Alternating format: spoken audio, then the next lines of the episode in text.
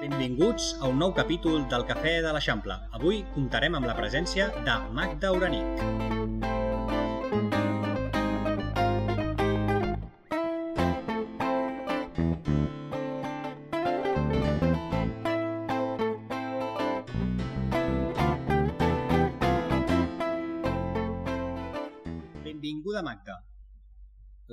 Magda, llicenciada en Dret i Periodisme per la Universitat de Barcelona, participà en la fundació de l'Assemblea de Catalunya i fou empresonada per participar en una de les reunions a la parròquia de Maria Mitjancera.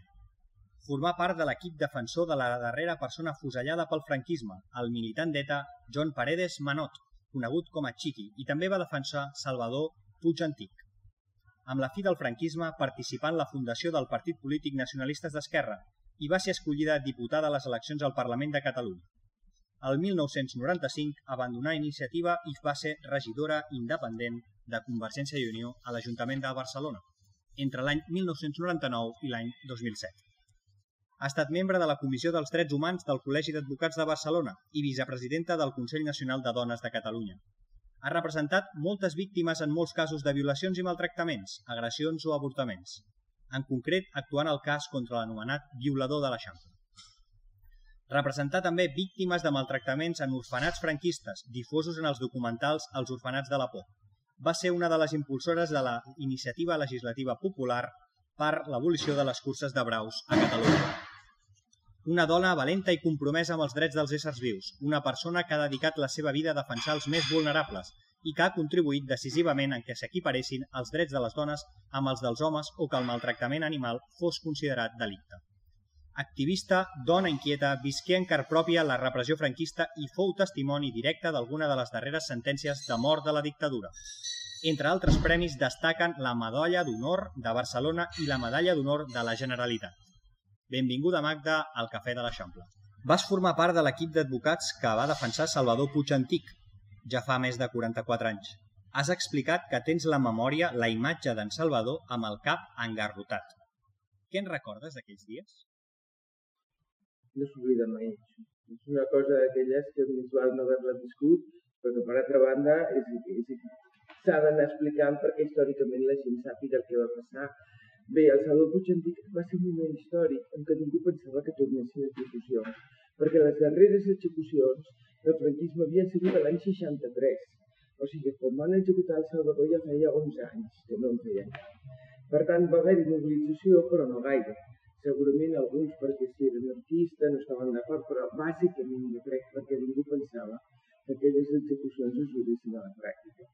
El Salvador el van agarrotar, com jo li deia, a la mateixa presó model, avui dia que es visita, la presó model, que tanta i tanta gent ha anat allà que, per veure com era una presó en aquella època, que era model a l'any 1904, eh, no era model actual, jo vaig estar el dia que van endur-se l'últim pres, ara amb el conseller, que llavors era el conseller Mundó, de Justícia, i bé, eh, els funcionaris havien guardat el lloc exacte on havien portat el garrot que és una cadira de fusta, i aquí hi ha una cosa crac, crac, crac, i que li va rebotant el coll així. Una cosa terrorífica, que només de pensar és una història per no dormir, però els funcionaris ho havien guardat, i quan vam trobar, un dels funcionaris deia, ella estava, clar, jo estava no allà, sinó a fora del pati de les germanes.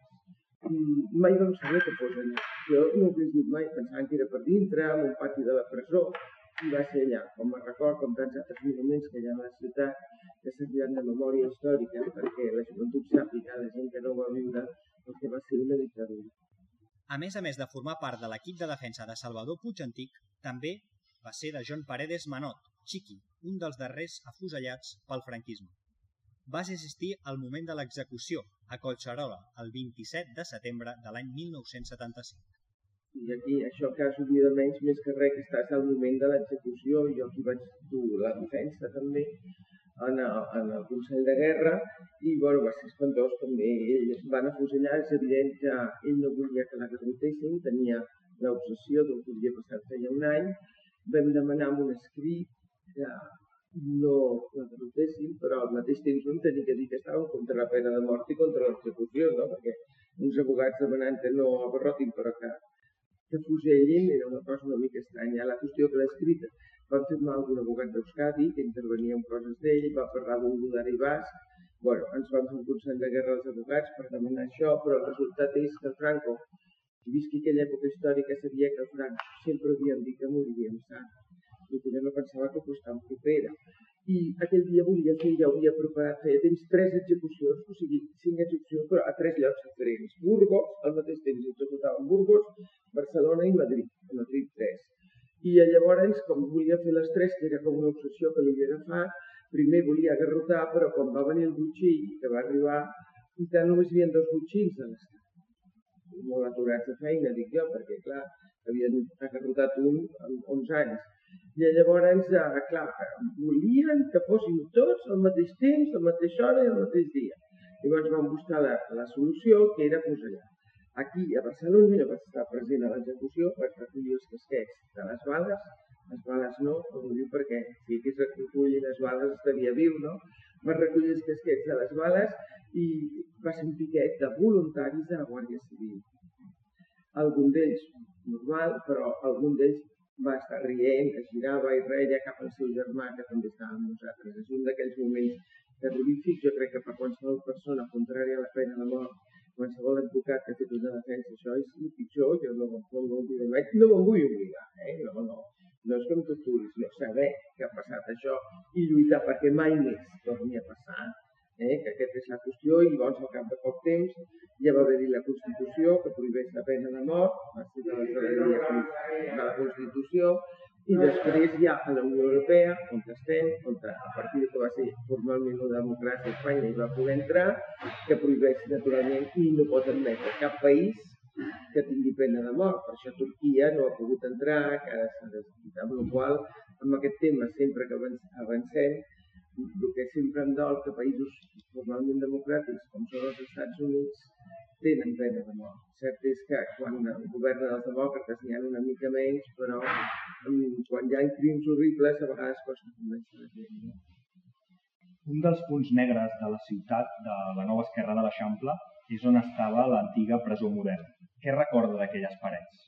Home, jo recordo molt, Lídia. Jo sempre dic que, que era molt jove, una jove educada, quan vaig començar, i portava presos polítics, però també presos comuns, llavors, i, i, a, i en el model m'hi he passat hores i hores. Les hores que més recordo són les 12 hores de capilla, perquè quan hi ha un condemnat a mort, el Codi de Justícia Militar, sense que ningú tingués res a veure amb els militars, però eren els militars, perquè el Franco va crear una, un tribunal de delictes polítics, un tribunal de repressió, que era el top, Tribunal d'Ordre Públic. Però quan volia executar, ho treia del top, perquè el volien, ho treia del top i ho passava als militars, que actuava com a força repressiva eh, i, i es, eren consells de guerra, que és una cosa bastant terrorífica quan s'aixecaven i demanaven pena de mort, amb les bandes, tots allà drets, única dona, sense homes allà.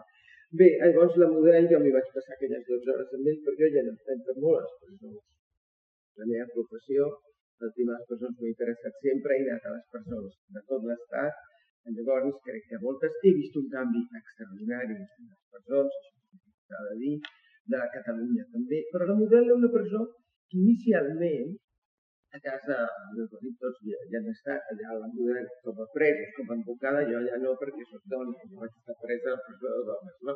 La model sempre va ser d'homes, excepte amb en un molt poc temps, un any o dos o tres, que vam haver un departament petit de dones. Eh? Quan hi havia el Manolo Vázquez de Montalmán, la seva dona estava en aquest departament. I la model una presó, que era model de l'època, que era com feia el panòptic, les galeries, tot tancat, que és maco arquitectònicament si ho veus ara. Inicialment, jo i els altres aguats, doncs això s'ha de i mai més saber-ne res. Però que s'hagi anat conservant que quedi una mica, que la gent ho pugui visitar, que la gent vegi com era tot llavors. Això es fa molt important, perquè els últims anys de la democràcia no era com els anys 39 o 40, quan allà cada dia executaven, hi havia gent. I ara es visita, encara es visita. Tinc la sort de dir que uns dies d'aquests ve la família del Xiqui a visitar-la i volen veure la cel·la on estava ell anècdotes d'aquestes terrorífiques però maques per altra banda, no? de la fortalesa d'aquesta família i vull de recordar.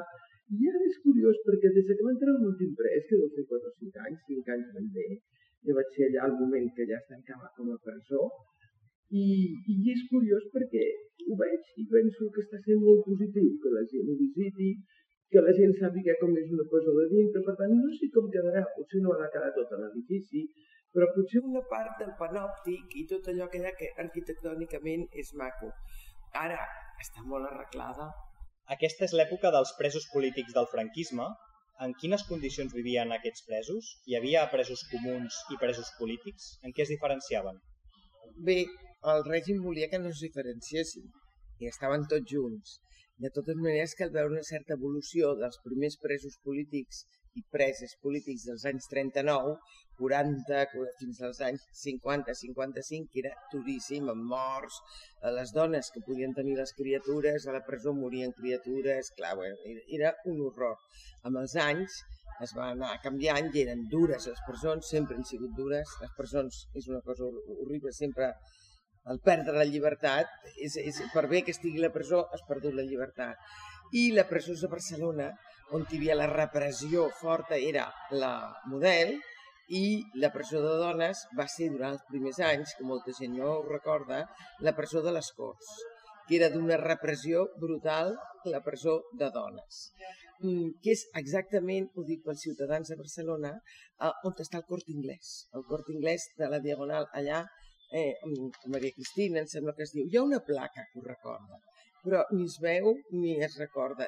S'ha de fer alguna més per recordar de la ciutat de Barcelona els edificis de repressió, recordar, perquè allà van morir dones, van, execut, van ser dones executades, el règim era duríssim als anys 40, no ho sé de viva veu perquè quan jo vaig estar presa l'any 73, 74, unes de les preses, entre elles la Lleta Berenguer, que jo tant estimava, ja no està amb nosaltres, ja va morir, ella va ser alcaldessa després també, amb democràcia allà, de Sant Feliu de Codines. I ella ens explicava molt, i tenia moltes hores a la presó per parlar, per pensar com havien sigut els anys 40 a la presó de les Corts, on avui hi ha el Cort Inglès, brutal.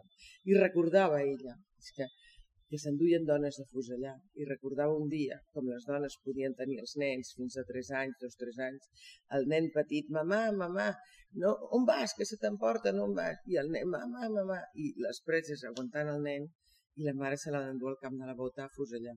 Jo encara se'm posa la pell de gallina, la gallina de piel que deia Johan Cruyff. Per cert, que a mi quan em van detindre el primer dia, que ens van, el dia que ens van detindre era el primer dia que Johan Cruyff jugava amb el Barça. Eh? I Johan Cruyff, que venia d'un país democràtic, que eren els Països Baixos, mmm, va preguntar què han hecho. I li van dir, i, tenien una reunió esta mañana i el Johan va enviar a les presons pues quiero ver pronto, sigui que ell, clar, és que no jove que venia d'un país democràtic, és que detindre la gent perquè feien una reunió en la que pedien democràcia i llibertat, doncs eh, així va anar i recordar això de les coses, no és la model. Però dit això, jo crec que a la gent vull explicar que quan les èpoques que jo ja exercia d'abogada, per tant no en els anys 40 ni als anys 50, però sí al final dels 60, 70, mm, la gent quan arribava a les presons se sentia alliberada perquè havia acabat amb la tortura de les comissaries de policia, la tortura de Via Laietana, la tortura d'altres comissaries, Via Laietana com un exemple, no? I a la presó en aquells anys no hi havia tortura. No vol dir que no hi hagués tortura psicològica, potser sí, però tortura física no. Hi havia coses dolentíssimes. Però la gent se sentia el moment d'entrar a la presó, els anaves a veure i ja la cara ja era una altra cosa, no? I és curiós sentir-se lliure, més lliure i més segur a la presó que a comissaria cridaven a torturar qualsevol hora del dia, cridaven a declarar, mm, era, i en canvi la gent a la presó, ara estic ja més tranquil, més tranquil·la. És curiós perquè això ho he viscut professionalment, també personalment, de la gent. No? Això ho diem i que la gent diu, serà possible? Doncs sí, era així. Un altre tema molt important en la teva trajectòria professional és la defensa dels drets dels animals. Com neix l'interès pel dret dels animals? No té cap mèrit per part meva, jo des de petita m'he estimat molt els animals. El mèrit és d'ells, no? de tot el que jugaven des de, de sempre. A mi els animals els estimo, els adoro i estic contenta ara, perquè he vist que allò que jo pensava que eren pocs, Ara s'ha demostrat que són molta gent i la joventut té també una altra sensibilitat i estan canviant totes les lleis. No? Encara els que ens hi dediquem sabem que hi ha lleis encara molt injustes, situacions molt injustes, gent que tortura els animals pensant-se que ho pot fer, però avui dia s'ha vist a nivell d'estat que es considera que els animals ja no són coses, sinó que sent ser que senten. A Catalunya ho havíem descobert uns anys abans. Eh? Mm, I a tota la civilització els hi ha costat milers d'anys descobrir-ho, però la Unió Europea també ja ho tenia. I ara estan tenint molt més respecte i sobretot van lluitar molt, mm, jo com a jurista i al Col·legi d'Advocats, eh, és curiós perquè jo vaig, vaig estar a la Comissió de Drets Humans, a la Comissió de Drets de les Dones i a la Comissió de Drets dels Animals. Vull dir que tot és, al fin i al cap, és, és, és, és vida, no? És, és vida. I l'altre dia em va fer molta il·lusió, perquè el dia el patró del col·legi em va donar la més alta distinció que dona, i amb un d'allò i una medalla i tot, però ho dic perquè ella posava per la seva tasca de dedicació al col·legi, però per la seva lluita pels drets humans, per la seva lluita pels drets de la dona i per la seva lluita pels drets dels animals. I em va impressionar, perquè això fa uns anys era, era com molt difícil de, de, de sentir-ho. Llavors, des de petita ho he tingut, ara les coses eren dures, també ho segueixen sent ara molt. Estem en un moment on la gent ha descobert que són molts experiments cruels. Tenim el cas dels beagles, els cadells de beagles, que la gent s'ha impressionat molt, sobretot els gossos. La gent, clar, el gos és l'animal que tens a casa, que forma part de la família i potser no els sembla el mateix que un altre animal.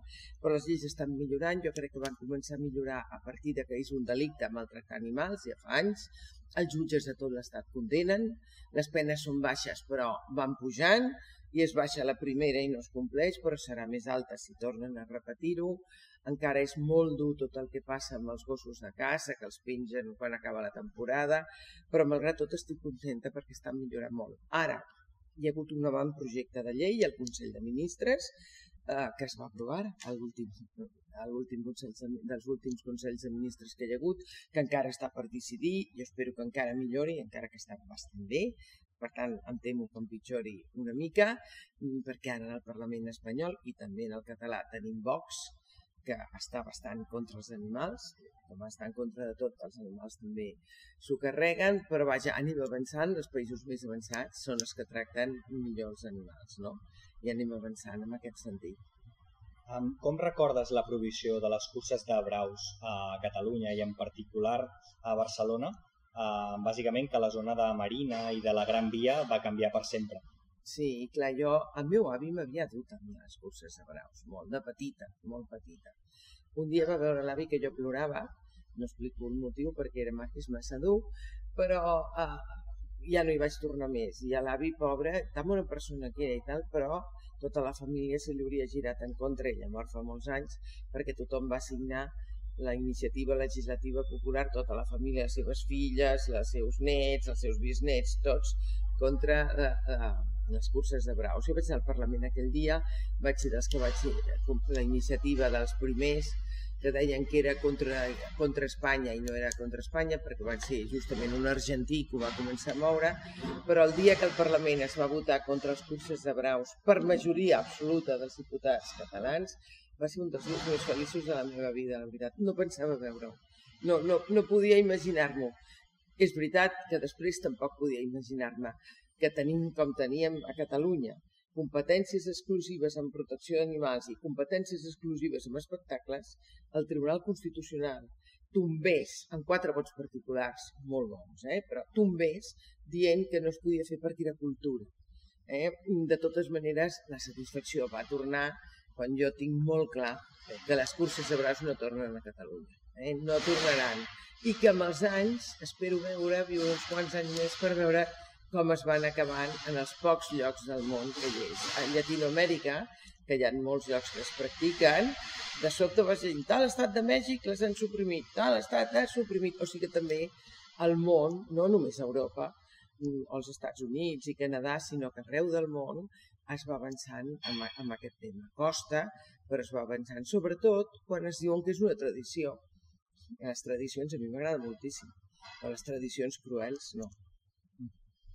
També tens una llarga trajectòria en política, eh, va ser diputada al Parlament i regidora de Convergència i Unió eh, a l'Ajuntament de Barcelona com a independent. Com veus l'actual govern municipal? Bé, jo veig que ara tot canviarà una mica perquè com hi ha eleccions més o menys dintre d'un any, una miqueta més, les coses es fan com més artificials, no? S'inauguren coses que no s'han d'inaugurar. Jo veig que ha d'haver un canvi perquè en aquests moments una ciutat que jo crec que és de les millors ciutats del món, que és Barcelona, mm, està, està anant cap enrere i això no pot ser perquè la, la ciutat que jo estimo més he, he nascut i espero morir a Barcelona, eh? vull dir que Barcelona és una ciutat que forma part de la meva vida i en aquests moments hi han coses que han empitjorat molt. Cert és, i no vull amagar, que també en èpoques de Covid tot ha empitjorat. A veure, les coses són així. Una ciutat pionera al món en aquests moments, el Covid jo diria que de tot, no és només Barcelona, arreu del món moltes coses han anat enrere. A nivell econòmic, per tant, no s'han pogut fer coses que segurament s'haurien fet, mm, però de totes maneres jo crec que ha de, ha de canviar moltes, moltes coses perquè sempre, una ciutat que sempre ha volgut anar endavant i anar endavant per seguir sent pionera al món, mm, no pot ser que hagi anat enrere. I per tant, això demostra que ha d'haver-hi un canvi. Què destacaries de la teva entrada en la política municipal? La política municipal es poden fer coses que algun m'ha donat molta satisfacció, com per exemple que vaig presentar jo mateixa, es va aprovar per unanimitat, després tots els grups, que va ser acabar amb el sacrifici les gosseres de gats i gossos. Abans, si tu perdies el gos i no l'anaves a buscar en 20 dies, clar, ja te l'havien tirat. I això és un tema molt, que la gent ho té molt sentit, no? Lo de gats i gossos. I també recordo que vaig començar a fer moltes propostes, potser el primer que vaig fer, de canviar els horaris mm, perquè la gent des de les gosseres a adoptar. Hi havia un horari demencial de 11 a 1 els dies de cada dia i n'hi anava poca gent. Com vam aconseguir canviar l'horari, demanant-ho i que, o sigui, plantejant-ho i votació que sí, es va augmentar el primer mes un 200 i escaig per cent perquè la gent va anar i van anar els caps de setmana i la gent ha més, més consciència d'estimació als animals. Però a Catalunya va ser, com pionera que, que és amb aquest tema, la primera comunitat autònoma que va acabar, això que diuen de comunitat autònoma, eh, que va acabar amb el sacrifici a tot arreu. La primera va ser Mataró, després Barcelona, quan vam presentar, i es va aprovar per unanimitat. I fa no tants anys es va aprovar a Madrid per unanimitat. Perquè quan es presenten aquestes coses, a part de Vox, que hi ha ara, qui és el guapo o la guapa que et diu no, no, jo vull que matin gats i gossos. Eh, que jo un alcalde Codella dic molt bé, doncs farem una foto de cada gat i gos que tu dius que s'ha de matar i els ensenyaré als teus fills. Mm, vull dir que hi ha un sentiment amb això, no? I que pensem que a nivell d'estat encara hi ha aquesta llei que se sacrifiquen. És la nova llei que s'ha aprovat al Consell de Ministres darrerament, eh, a, a proposta del director general, que és de Podemos, que s'ha d'acabar amb això, però això ja és dels pocs països d'Europa que hi ha aquesta qüestió, no? Mm, no sé si veu veure fa molt pocs dies a Holanda que ja es va acabar amb l'últim gos que hi havia amb una gossera, que ja va ser adoptat. Als països més avançats, ja això de gossos o gats abandonats pel carrer ja no, ja no existeix. I això demostra, com deia Gandhi, que una societat és més avançada com més estima, com millor tracta els animals. D'aquí a pocs mesos hi haurà eleccions municipals a Barcelona. Quins creus que seran els temes claus en els que els partits es centraran per guanyar les eleccions? Home, jo crec que n'hi poden haver-hi molts, i potser ara no ho acertem, però a nivell de ciutat, eh, que, que és el que en aquests moments són les eleccions, jo crec que hi haurà d'haver molt en quant a que és la circulació, la neteja, eh, quantitat de coses que potser són, que semblen del dia a dia, però són el que fa la vida més agradable, o menys als ciutadans.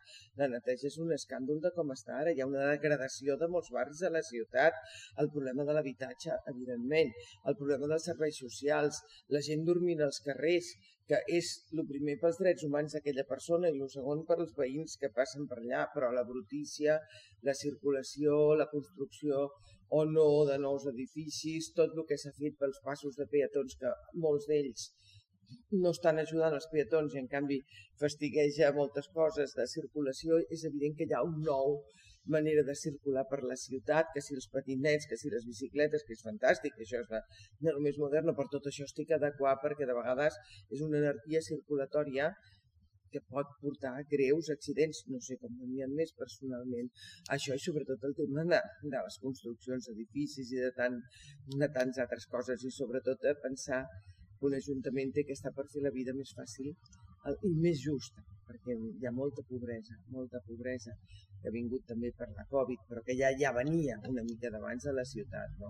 I una ciutat com la nostra, que és la capital del país, de Catalunya, doncs volem que se solucionin tots aquests problemes. No? Encara tens relació amb persones vinculades a la política municipal a Barcelona? Oh, tant, per descomptat. Tants, molts dels que ja han sigut, que ja no hi són, de quasi tots els grups, eh? i també dels que hi són ara naturalment. O dels que hi han sigut, deixem començar pel Xavier Trias, una de les més grans persones que he conegut, un gran alcalde, una gran persona, un gran metge, eh, que era. Ara, mm, vam ten sempre tenim algun que altre contacte, però vam tenir el contacte una mica de fas que els dos vam estar amb la Covid greu i pneumonies els, més o menys els mateixos dies i ell, quan jo em van ingressar, el primer que va fer és trucar, intentar ajudar, com ha fet sempre, a mi i a totes les persones, no? I al cap de dos dies ja parlàvem d'hospital a hospital, perquè ell també el, el van ingressar, no? I el Xavier Trias jo crec que és un, un mite per mi en quant, en quant a persona, no? I després molts altres, no vull dir tots els noms, perquè un se'ls deixaria, però deixa'm parlar d'algú que m'agradaria que hi fos ara, no hi ha sigut per culpa de la repressió, que és el Quim Forn eh, el Quim Fort, un excel·lent company, una excel·lent persona i que està inhabilitat però que es va encara poder presentar a les llistes. El dia de la seva presa de posició vaig anar, el vaig poder vaig anar només que per abraçar-lo i jo crec que, que representa una persona que podria fer una feina extraordinària i que no hi és per culpa de la repressió, no? I tantes altres persones que són ara, deixem parlar de les dones, l'ex-Actad i la Neus Munter i molts altres que estan en allà, però els que ja han sigut també, deixa'm no, no oblidar-me del Portavella, eh? de que ell, d'Esquerra Republicana, que Junts a favor dels animals al llarg de la història hem anat fent tantes i tantes coses, no? i molts, de, tot el, de tots els grups. En aquells moments quan jo vaig ser regidora, la relació i la política era diferent, no? No era aquesta tensió que hi ha. Doncs moltes gràcies, Magda, uh, per estar aquí al Cafè de l'Eixample, a la Pedrera, uh, i moltes gràcies als, als espectadors per seguir-nos en aquest nou programa. Gràcies a vosaltres, però sobretot la idea de fer-ho aquí a la Pedrera, un dels edificis més macos de la ciutat i del món, del gran arquitecte Gaudí, que també va ser reprimit per contestar en català, eh? el que parlàvem abans de, de la repressió del català en molts llocs, i per tant estar aquí al Passeig de Gràcia per tenir aquests edificis no és fer una feina, sinó que realment és un, una satisfacció molt gran. Doncs moltes gràcies també als espectadors per escoltar-nos i ens veiem en propers capítols.